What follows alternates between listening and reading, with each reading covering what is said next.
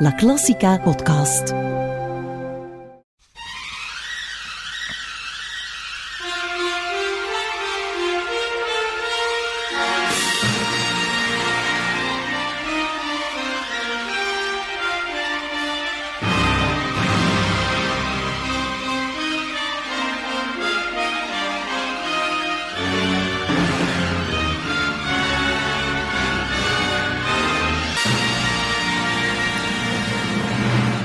Welkom bij de tweede aflevering van Prokofjev, een nieuwe serie bij La Classica die helemaal in het teken staat van Sergei Prokofjev. Bij de vorige aflevering waren we gekomen tot aan 1902. Prokofjev kreeg toen Reinhard Gliev als nieuwe leraar compositie en harmonie toegewezen. Al zijn voorgaande leraren, inclusief Gliere, waren dan wel docenten aan het Conservatorium van Moskou. Les kreeg hij van deze mensen in Sontsovska, waar hij woonde en waar hij geruime tijd met deze leraren verbleef. Glière was ongetwijfeld de docent die een pedagogische scherpzinnigheid had om tot de jonge Prokofjev door te dringen. Zo werd compositie afgewisseld met een potje schaak en regelmatig wat beweging in de buitenlucht. Theorie werd niet aangebracht als droge materie, maar wel aan de hand van bekende stukken die Prokofjev reeds kende. Glière kreeg daarbij hulp van Prokofjevs moeder, die dagelijks vooruitgang verlangde in de lessen van haar zoon. Die discipline en focus was kenmerkend voor het hele huishouden van de Prokofjevs. Het staat in scherp contrast met het bekende leven à la bohemium van de meeste artiesten en componisten in die tijd. Tegen het einde van de zomer van 1902 zou die inspanning haar vruchten afwerpen met een allereerste symfonie in G, Daarin zag je zijn drang naar zowel het klassieke als het bekende, maar er was ook die voortdurende neiging naar iets helemaal anders. Iets nieuws zonder echt te kiezen of te weten wat dat nieuwe dan precies was. Tanejev, die de partituur van deze eerste symfonie in november 1902 te zien kreeg, lachte smakelijk met de rudimentaire structuur en harmonie van dat werk. Als reactie schreef Prokofjev die winter een vioolsonate die later de basis zou leggen voor zijn eerste cellosonate, opus 15, waarover later meer. In de zomer van 1903, toen Glière opnieuw langskwam voor lessen, had hij een volledige operapartituur aan elkaar gebokst met als titel Feast in Time of Plague.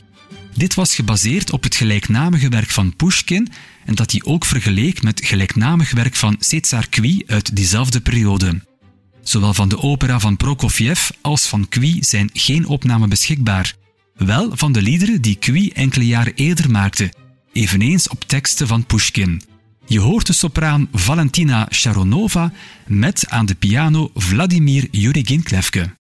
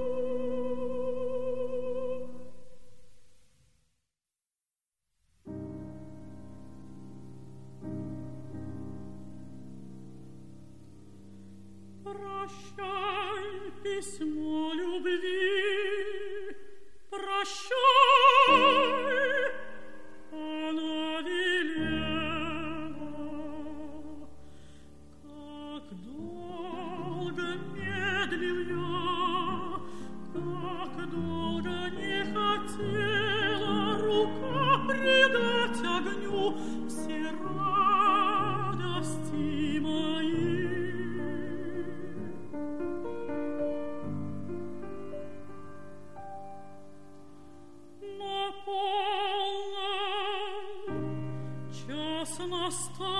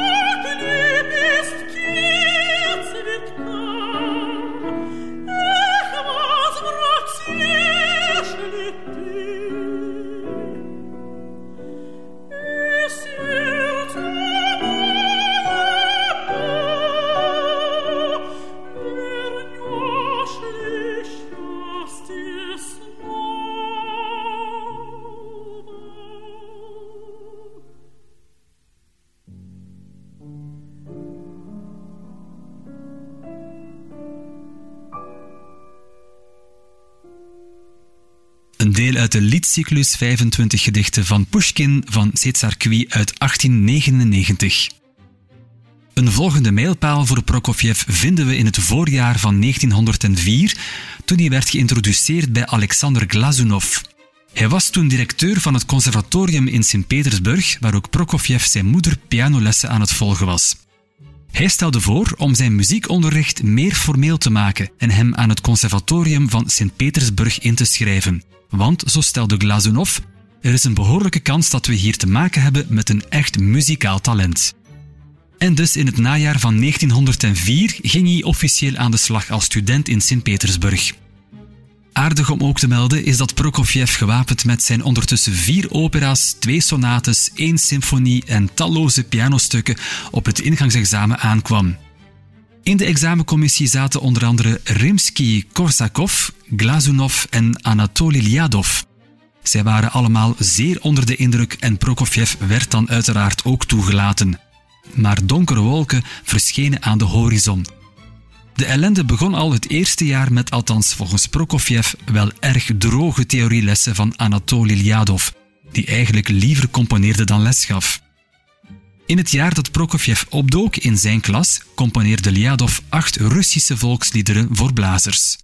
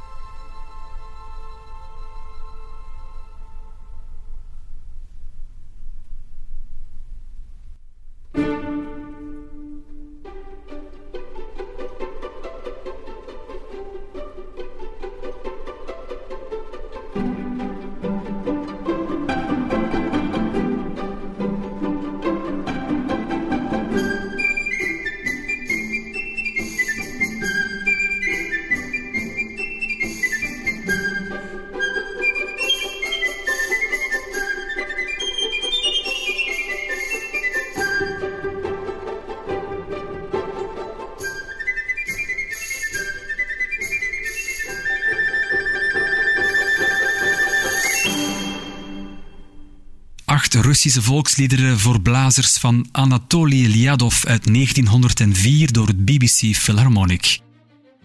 De onstuimigheid in de lessen van Lyadov waren voor Prokofjev maar voorboden voor meer onheil. Eén jaar later brak de revolutie namelijk uit in Rusland. Dat had tot gevolg dat niet enkel de lessen onderbroken werden, maar ook dat zowel Rimsky-Korsakov, Lyadov en Glazunov oneervol ontslagen werden. Prokofjev begreep het allemaal niet en dreigde ermee het conservatorium te verlaten. Als een soort van noodoplossing spendeerde hij in 1905 voor meer dan één jaar bij muziekpedagoog en pianist Alexander Winkler voor pianolessen. Maar hij spendeerde ook zijn tijd raar maar waar thuis bij Anton Liliadov, waar ze verder werkte aan talloze partituren als ook de tweede acte van Prokofjevs opera Undine. Na de revolutie hernamen Lyadov en Rimsky-Korsakov hun lessen aan het conservatorium. In die lessen liep Prokofjev Nikolai Mialkovsky tegen het lijf, meteen het begin van een levenslange vriendschap. Een beetje vreemd, want ze waren allebei heel andere types. De onstuimige Prokofjev, die graag overal tegenaan trapte, en de tien jaar oudere eliteofficier Miaskovsky, vooral gekenmerkt door orde, regelmaat en gezagstrouwheid. Miaskovsky, omwille van zijn leeftijd, was in die periode al in volle productiemodus. Uit die tijd bijvoorbeeld dateert zijn eerste pianosonate opus 6.